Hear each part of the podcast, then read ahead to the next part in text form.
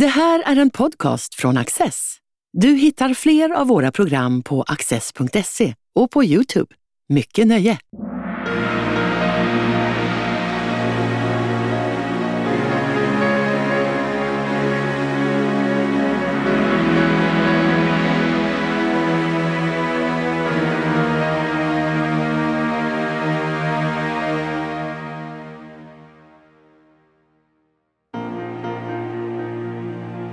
Duell till döds. Är det bara en romantisk intrig i filmer eller fanns det en historisk realitet? Vad innebar begreppen heder och ära och vad hände när dessa kränktes? I dagens samhälle har hederskulturen blivit aktuell igen. Jag samtalar med professor Kristoffer Kollstedt om hur hedern i historisk tid kunde återställas genom våld. Idag ska vi prata om heder och ära och vad som händer när heder och ära kränks. Och det här är ju frågor som är väldigt aktuella i samhällsdebatten igen. Men vi ska inte stanna i nutiden utan vi ska gå tillbaka och se lite grann på historien och hur uppfattar man heder och ära för några hundra år sedan. Och jag tror ju att, att genom att se på sådana här historiska exempel så kan vi också förstå nutiden. Men vi ska bara prata om historien. Jag tänkte jag ska börja med kanske de svåraste frågorna. Hur ska vi definiera de här begreppen heder och ära? Mm. Eh, begreppen heder och ära hör väl kanske till de allra mest svårdefinierade begreppen vi har. eh, som historiker åtminstone, även som antropologer och etnologer och, och andra som har försökt att, att hitta någon definition. Det är ett otroligt undflyende begrepp. Är det. Eh, redan Shakespeare försökte liksom sätta fingret på vad heder och ära kunde vara för någonting i sina, med sina pjäser och så vidare. Men, men eh, man lyckades inte tyckte han. Eh, antropologer har ju idag, eller moderna antropologer har ju försökt att eh, definiera åtminstone eller skissera ska jag säga innebörden av, av begreppet heder och ära och eh, kommit fram till att det har att göra med, med en människas eh, eh, förståelse av sig själv, sitt värde som individ, men också samhällets förståelse av detta, eh, den här individens värde. Så där får du en slags spänning kanske mellan där får individens förståelse och... Ja. Precis, individens förståelse kontra samhällets förståelse av, eh, av vad heder och ära kan vara. Eh, när jag som historiker tittar på vad heder och ära kan vara så når jag sällan äran och heden i sin eh, så att säga normalform utan jag når den alltid när den kränks. Så att säga. Nej, precis. Eh, och detta får mig då att tänka kring heder och ära som någonting som alla kände till, som alla visste någonting om. Alla visste vad heder och ära var för någonting och eh, hur den skulle bevakas och hur den skulle respekteras. Eh, men det var ingenting man pratade om egentligen. Utan... Och det är väl samma idag egentligen? Ja. Att spontant tycker man att man vet vad heder och ära är, men det är jättesvårt, det är jättesvårt att, att, sätta ord på vad det egentligen är för någonting. Precis. Tycker du att det Finns det en skillnad mellan hur man uppfattar heder och ära idag och den period du studerar i början på 1700-talet till exempel? Mm. Ja, Eller är det, det samma begrepp? Nej. Nej. det är inte samma begrepp. Det, eh, det har skett en enorm, enorma betydelseförändringar i själva begreppet heder och ära, eller heden. Eh, de är inte synonyma de här begreppen heder och ära, men, men jag pratar om dem nu som om de vore synonyma, för det är, jag går inte riktigt in på den diskussionen. Eh, utan eh, begreppet heder idag har ju ofta eh, en slags... Eh, eh, det handlar om individens förmåga på något sätt. Individens... Man kan tala ibland om akademisk heder, man kan tala om en slags upphöjdhet i status och så vidare. Medan det i äldre tid skulle, så var heder och ära snarare någonting som har med ett djupt liggande kulturellt system snarare än något individualiserat. Eh, det var en slags världsbild kan man säga, kan man säga som man liksom inte kunde ställa sig utan, utanför. Eh, utan den skulle respekteras och eh, efterföljas i alla situationer. Gjorde man inte det så kan man förvänta sig en, en rad olika sanktioner både från samhället men också från stat och rättsväsen och så vidare. Och du har nästan varit inne på frågan som jag tänkte ställa. Alltså, kan man skilja mellan individuell och kollektiv heder? Eh, ja, alltså i den tittar man över längre tidsaxel så kan man ju se att eh, åtminstone i en nordisk kontext så, eh, så individualiseras äran och heden från låt säga 1600-talet och framåt. Eh, ju längre bak i tiden vi, söker oss desto mer kollektiv, desto mer familje släktbaserad var den här heden och äran. Mm.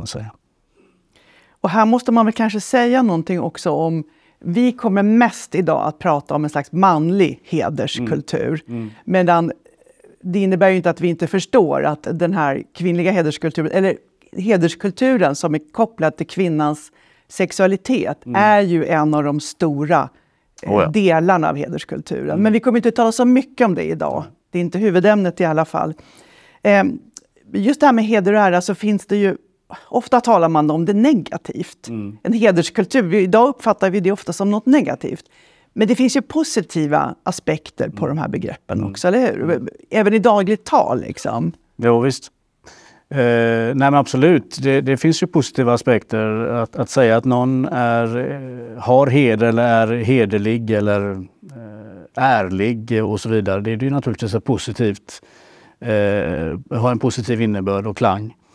Eh, men jag skulle, om man vill gå tillbaka till det här med definitionen av heder så tror jag nog att eh, i en djupaste mening på 1600-1700-talet så tror jag man kan, man kan hävda att eh, heden och äran var en förutsättning för tillhörighet i ja, bygemenskapen, i domsagan, i samhällsståndet, i den ja, militära gruppen till exempel bland officerare. Och det var positivt i den meningen att, att eh, alla med heder, alla som hade en intakt heder, alla som hade rykte om att vara en hedlig och ärlig person hade per definition en, en eh, given tillhörighet i den här gruppen som var ett slags eh, nätverk kan man säga, som också gav visst beskydd.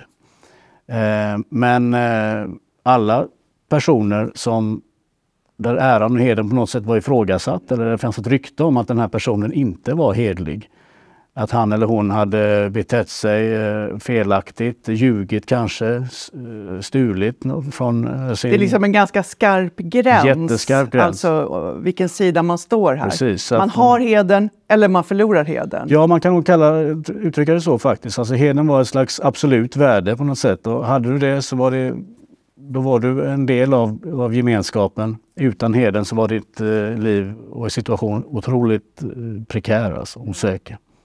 Om vi smalar in lite grann nu då och börjar prata om när heden kränks. Mm. För det är ganska mycket det du har forskat ja. om. Du skrev en avhandling som heter Duellanten och rättvisan.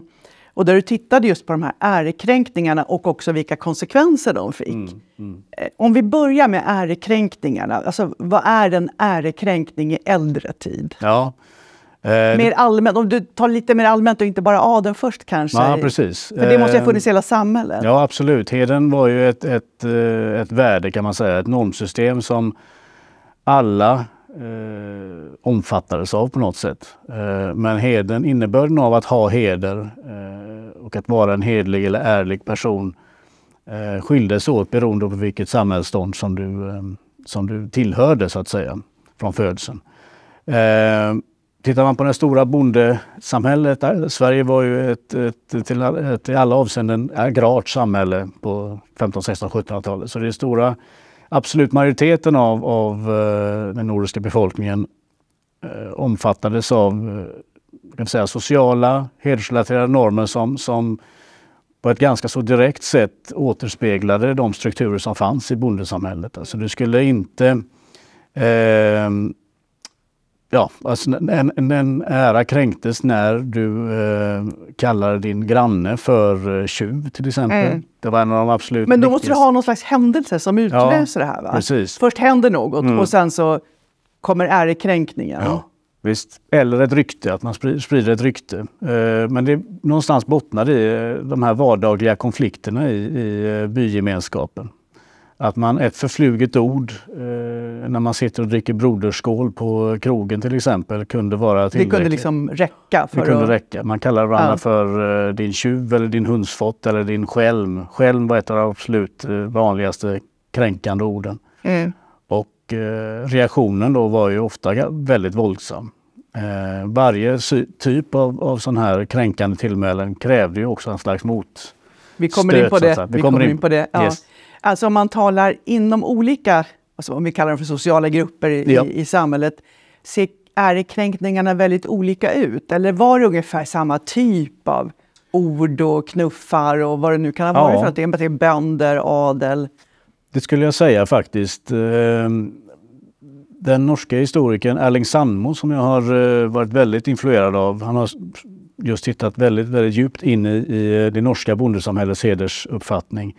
Som menar då att eh, man kan lyfta fram fyra, fem artikulationsfält som man kallar det för. Alltså områden där äran är eh, särskilt tydlig eh, och där den artikuleras så att säga. Och det var förhållande till eh, överheten, förhållande till eh, djur och andra, annans egendom, förhållande till eh, detta att tala sanning och förhållande till ehm, eh, sexualitet och så vidare. Eh, och eh, de här olika områdena, det var, kan man säga att orden som man använder för att kränka varandra härrör kan man säga ur de här olika områdena. Tjuv till exempel var väldigt, väldigt eh, en allvarlig kränkning. Skälm med en annan som också indikerar en slags eh, eh, lögnaktighet och, och sådär. Va? Eh, Men det är bondesamhället i den kontext som jag tittar på, alltså bland adeln och officerskåren som är mer, eh, alltså det är ju det adliga ståndet, det är eh, officerare, det är en slags militariserad, väldigt maskulin kultur. För det är mycket militärer som Ja. dyker upp i Precis. den här hedersbrotten. Liksom. Ja, precis. Eh, där är ju äran direkt kopplad till sådant som eh, ja, mord på, alltså tapperhet på slagfältet och, men också det här eh, detta att alltid tala sanning, alltid vara ärlig, inte, att inte tala illa om någon, eh, att aldrig stjäla, aldrig liksom. Och, Så det är eh, ändå ganska lika? Liksom. där är det lika. Grund, där är det, lika. Det, det, det finns ståndsspecifik heder kan man kalla det för och en mer generell heder. Där skulle jag hävda att eh, det här att eh, alltid tala sanning, inte ljuga och att inte stjäla var bland det absolut eh, mest grundläggande. Och där kommer vi in på något som du skriver en del om i din avhandling, att religionen Mm. spelade en viktig roll, de kristna värderingarna. Och det har inte så många forskare intresserat sig för. Nej. Mm. Jag tyckte det var intressant att du lyfte fram det. För det här känner man ju igen från de tio budorden Ja, visst. och, Ja, och liksom grundläggande...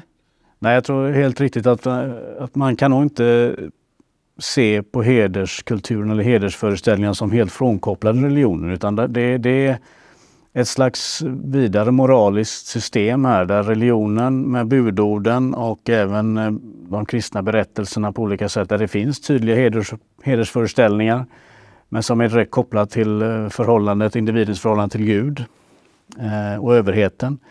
Medan den här mer eh, vardagliga heden, om man säger så, är kopplad till livet i bondesamhället på olika sätt. Liksom. Om vi nu kommer in lite mer på adeln då. Vad, Mm.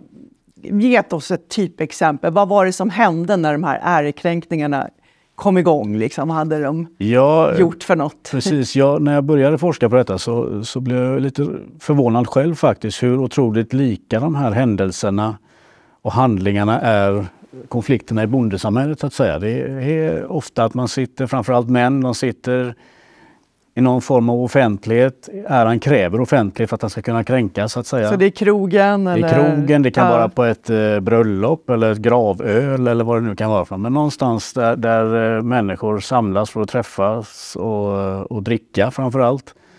Eh, någon eh, slungar ut ett, ett ord som, är, som någon uppfattar som eh, kränkande och sen rullar den här processen igång. Då börjar man ofta att eh, kränka varandra. Någon säger till exempel din sakramentskade karl, du är en tjuv eller skälm eller du är en feg pultron om det handlar om officerare.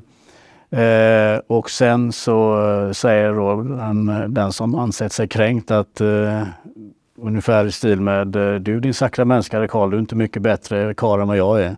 Och sen rullas det här upp och, och eh, det börjas med lite knuffar kan det vara, man sliter av varandra perukerna, det finns i många fall.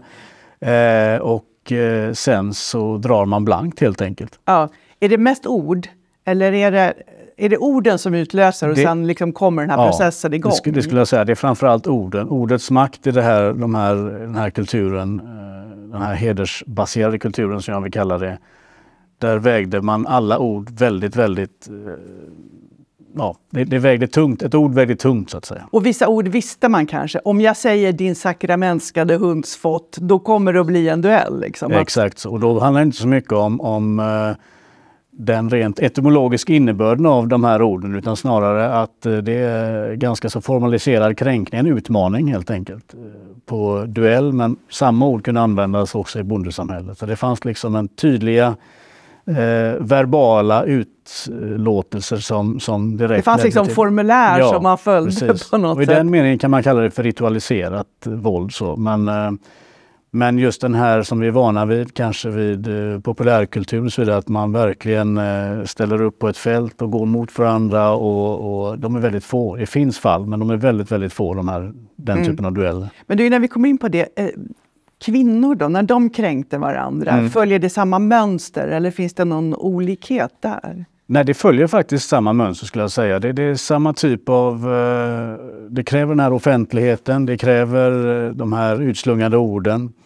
Eh, då är det lite annorlunda ord. Man kan ju kalla varandra för tjuvkona och sådana här saker, alltså i bondesamhället.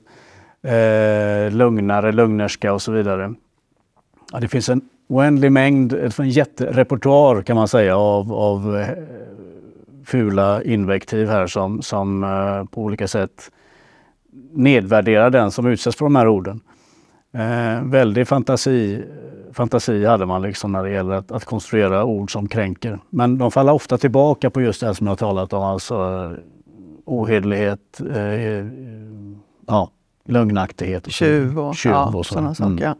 Nu kommer vi då till våldet. Mm. alltså när man har fått sin ära kränkt, så det är den här eskaleringen det verkar som att det krävs våld för att man ska liksom mm. återupprätta sin mm. heder. Ja. Stämmer det? Det stämmer. Eh, ju längre bak, tillbaka i tiden vi söker oss desto tydligare våldsrelaterad var den där heden skulle jag vilja hävda. Eh, Och hur långt tillbaka kan man söka sig? Alltså, ja, äh, ägnade vikingarna sig åt detta? Eller oh, liksom? ja, alltså, om vi går tillbaka till de isländska sagorna till exempel som är ett fantastiskt eh, material för den som vill få en djupare inblick i eh, ja, hederskulturen om man så säger, 1200-talets Island. Eh, så är heden och äran helt fundamental kan man säga. Men duellerna, då får Nej. vi gå lite framåt Då går vi framåt i tiden. Då är vi framme på 1600-talet. Och du sa att 1500-talet var också eh, ganska duelltätt. Nej, jag, jag, tror, jag skulle nog säga att, att dueller är någonting som har att göra med eh, adelns strävan efter att skapa distans och exklusivitet, alltså kan man, kan man säga, eh, i förhållande till övriga befolkningslager. Så det var en del i en slags distansering och förfining kan man säga som Norbert Elias skulle ha kallat det för kanske. Och där kanske baler och lite ja, speciella danser, att precis. tala franska och speciella kläder. Det är samma precis process. Alltså, liksom. ja, ja. Duellen var ett sätt att markera social åtskillnad och eh, upphöjdhet och status. Eh, så det är någonting som, som adeln i Sverige och krigsbefälet eh, i mångt och mycket hämtar hem från Frankrike till exempel som var det stora duelllandet under 1600-talet. Eh, Vilka är det som duellerar då? Är det, om vi pratar lite grann om mm. ålder och, och, rang och lite ja, yrke och sådana här saker? Visst, nej, där har vi ju väldigt tydlig eh, både ålders... Eh, ja, det är bara män såklart som eh, duellerar, bara, egentligen bara unga män. Unga män tidigt i sin militära karriär också. Få, eh, Inga överstar? Liksom. Ja, det finns överstar, men de, de är få. Utan, eh, och det är klart, det, det var ju kvantitativt, kvantitativt sett var det ju färre överstar än fänrikar till exempel. Men de flesta fänrikar var också unga eh, män. Fänrika löjtnanter, kaptener var de som duellerade mest och de kunde duellera mot varandra. Och betyder det här att det var mest militärer som duellerade? Ja, det skulle ja. jag säga. Ja. Absolut. Ja. Ta oss igenom en duell nu. Mm. Vad innebar det? Nu tar vi en svensk, en svensk duell. duell. typexempel. Ja, alltså typexemplet är det som jag varit inne på att man sitter på krogen och eh, pratar i goda vänners lag. Man dricker broderskål som man ofta gjort för att bekräfta varandras eh, maskulinitet och heder och ära.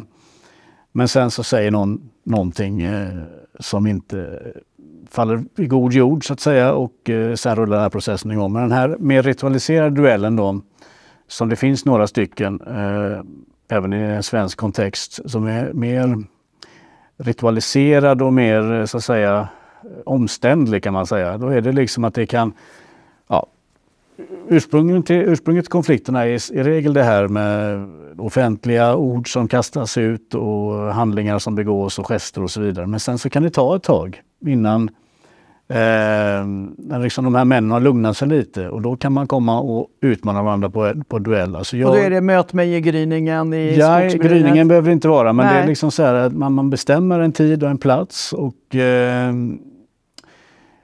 gärna liksom ofta oftast i de få fallen som finns så är det både avskilt men också inför stor publik så att säga. Så det, man kan inte riktigt säga att, det, att just eh, den våldshandlingen kräver offentligt utan det är snarare att det måste finnas något, något eller några vittnen som kan liksom eh, föra eh, ryktet vidare om att nu har de här männen duellerat och det gick så här och så här och nu är äran och så, återupprättad. Så att mm. säga. Och vad är det för vapen vi talar om? Är det mest värjor? Framförallt värjor. Ja. Eh, de gick ju alltid med, med beväpnade, de här männen, officerarna. Eh, så det är oftast värjor. Men det finns också ett par fall som jag tar upp där det, där det faktiskt är med pistoler. Och sen när man har duellerat och mm. den ena kanske då har stuckits ner. Ja då anmäls detta som ett brott, eller hur? Ja, det anmäls som ett brott men då är det ju, det är ju liksom inte så att det är målsäganden som då kanske, ja, är han död så kan han inte göra så mycket åt det. Men, han kan men, släktingar? Men släktingar ja. kan alltså resa det här eh, ärendet inför rätta. Men oftast är det eh, vad vi idag skulle kalla för den statliga åklagaren egentligen som, som eh, gör rättssak av det. Och eh, i regel så börjar man då att ta upp det här ärendet i eh, den lokala rätten. Det kan vara hedersrätt eller magistratsrätt eller rådhusrätt. Alltså städernas respektive landsbygdens olika Och även om det är adelsmän inblandade? Ja, men det är bara liksom som en slags formellt för sen så uh, skickas det uppåt genom ja, instanserna upp till hovrätten. I och med att det, är, det handlar ju också faktiskt om adelsmän och det handlar om eh, viktiga krigsmän eh, i statens tjänst och då måste det hanteras eh, högre upp i, instanserna. Och eh, då enligt en särskild lagtext, duellplakatet. Då. Nu kommer vi in lite grann på statens mm. syn på det här. Mm, precis. För att va, den är, som jag förstår det så var den ganska ambivalent. Mm. Man ville på ett sätt stävja det med det här duellplakatet Precis. som, är det Karl XI som eh, det första duellplakatet instiftas 1662, eh, så det är ju något tidigare. Mm. Eh, är det ett definitivt förbud? Alltså vi ska inte ha några ja, dueller? Ja, det är ett definitivt förbud.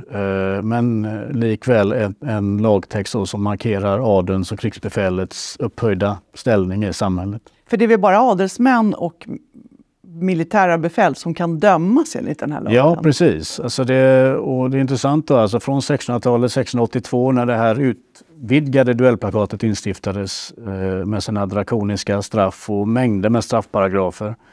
Eh, alltså kontinuerligt så, så, fyllde man på med olika grupper här. Så man, man la in en paragraf som kallades för eh, vederlikarna, alltså dess vederlikare var alltså ridderståndet, adeln, krigsbefälet och dess vederlikar. Och eh, där öppnade man också alltså upp då för att allt fler grupper skulle kunna komma att falla under duellplakatet om de, i takt med, eh, med nyadlingar och annat. Mm. Eh. Och det här förstår vi, att man, man ville mm. förbjuda det från statens ja. sida. Ehm, för att också stävja våld i samhället precis, och en massa saker. Men mm. Vad är ambivalensen då? Mm. Nej, ambivalensen ligger ju där i att eh, dels var det ju viktigt för stat och kungamakt att, eh, att ha officerare, krigsbefäl och adelsmän med ett visst våldskapital såklart. De skulle ut i fält, de skulle visa sin tapperhet, de skulle ja, tjäna kronan liksom. Mm. Eh, men samtidigt var det ju direkt förödande om de här viktiga personerna, männen då i statens tjänst, gick och dräpte varandra, varandra i dueller. Då. Ja. Mm, så att det var ambivalensen där från statens sida låg att eh, det är viktigt att de får markera sin upphöjdhet, sin exklusivitet, att de har en annan ära som är för mer än de andra böndernas till exempel och hantverkares. Men samtidigt då är det olyckligt att, att viktiga befäl. I, För att båda kunde egentligen dö i slutändan. Va? Den ja. som hade vunnit duellen kunde avrättas. Ja. Och det hände också, eller hur? Ja, jag har faktiskt inte hittat ett enda fall där, där man har avrättat en duellant utan de flesta, eh, och där det pekar också åt den här ambivalenta hållningen som staten då, eh, och kungamakten eh, hade. Eh, det vill säga att man, man eh, fullföll alla de här drakoniska straffen. Det var ju, alltså att döda någon i duell var ju avrättning och begravning på ja, utan ceremonier ovigd jord, och, och ovigd jord, ja, som en ärelös person. Alltså att man fråntog den här duellanten då all sin heder och ära eh, och eh, dömdes då till ett, eh, till ett också ur ett kristet religiöst perspektiv till ett, ett fruktansvärt straff kan man säga, postumt, att ligga i ovigd jord. Mm. Mm. Men är Sverige annorlunda eller finns det här liksom fenomenet på samma sätt i alla länder i Europa? Mm. Kan vi jämföra här lite? Ja, vi kan jämföra. Sverige och Frankrike påminner väl lite grann om varandra under 1600-talet åtminstone, där man båda länderna stiftade sina lagar mot dueller, men samma ambivalens syns både i Frankrike och i, i Sverige. Eh, tittar man i det större perspektivet så kan man se att eh, Sverige och andra länder som exempelvis England, Storbritannien, eh, där eh, lyckades för i någon mening eh, regleringen av duellerna, eh, den statliga regleringen, alltså i Sverige och Storbritannien så slutar man duellera förhållandevis tidigt. Men samtidigt så att sista duellen var på 1800-talet? Ja, sista duellen i Sverige var på 1810-20-talet. Ja. Den sista kända ska jag säga. Eh, och liknande kan man nog se i Storbritannien också. Men i Frankrike, i eh, i Ryssland, i Ja, Habsburgska riket Habsburgska har man riket. känsla, man ser mycket film och sådär. Absolut, ja. Habsburgska riket, eh, även på Balkan och så vidare, eh, Italien, så levde duell, bruket av dueller kvar betydligt längre. I Frankrike så tror jag att den sista utkämpade, kända utkämpade eh, duellen var på 1960-talet någon gång, Oj. mellan två journalister. Mm. Ja, det var ju bra. Mm. Ehm, du har, nu studerar du lite grann hur duellerna har uppfattats i mm pressen. Mm, precis. Alltså, som jag förstod dig så fortsätter man att intressera sig mycket för duellerna ja. fast det egentligen inte utspelar sig så många svenska dueller. Visst. Visst. Nej, det är också ett intressant eh, spår tycker jag. Att eh, I Sverige så var som sagt eh, ja, där utrotades duell, duell, bruket av dueller eh, redan under 1800-talet. Alltså man, duellplakatet avskaffades i samband med eh, strafflagen 1864. Den sista duellen utkämpades eh, på 1810-talet. Eh, men i pressen, i, i, i romanernas värld och så vidare så fortlevde duell, bruket av dueller. Dels kanske för att det är en, det är en intressant plott så att säga, det är en intressant intrig i, i romanens form. Men, Men i pressen, i vad pressen, var det för intresse där? Precis, i pressen var det ju viktigt då, åtminstone den svenska pressen, att markera tydligt i ett större europeiskt, kanske till och med globalt perspektiv att i Sverige håller vi inte på med det här längre. Vi är, har kommit så högt på den här civilisationsskalan att vi har gått förbi till och med sådana länder som eh, som Tyskland och, eh, och Frankrike och Italien som fortfarande håller på med dessa eh, ociviliserade barbariska, barbariska handlingar. Ja, ja. Det här preusseriet som man talar om. Så det blir liksom mer omskrivet efter att man egentligen har Precis. slutat duellera i eh, Sverige? Det faktiska bruket dog ut tidigt men eh, talet om eh, bruket av dueller exploderade kan man säga på 1800-talet. Ja, min bild av dueller den är också starkt påverkad just av film och av operor. Och, och, jag tänker just på den här operan Tchaikovskys Eugen Onegin, där just det finns en duell om en, om en kvinna som är själva vändpunkten i, i, i den här operan. Och det framställs ju ofta väldigt romantiskt och väldigt ödesmättat. Men nu när vi har talat om den verkliga duellerna så tycker jag kanske att det är överromantiskt. Det klarade inte riktigt mötet med den bistra verklighet som du har studerat. Tack så hemskt mycket. Tack.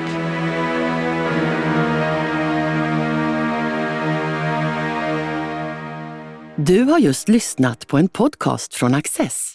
Du vet väl att vi också är en tv-kanal och tidning? Teckna en prenumeration idag på access.se.